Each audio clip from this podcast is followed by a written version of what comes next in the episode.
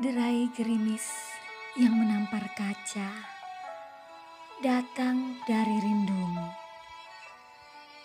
Jauh sebelum hari ketujuh. Berdiam di kamar, menghindar dari ingar. Gagasan berloncatan menabrak pikiran dan terpilin pada mata yang menatap langit abu-abu serupa himpunan debu.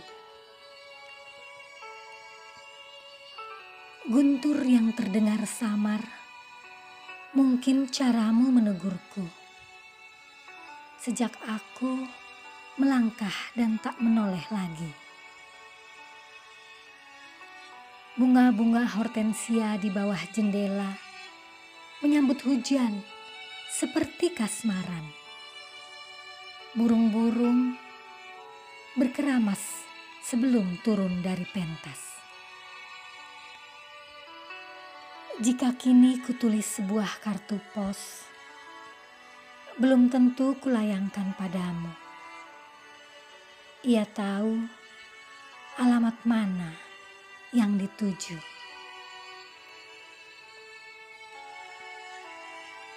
Gerimis, puisi Kurnia Effendi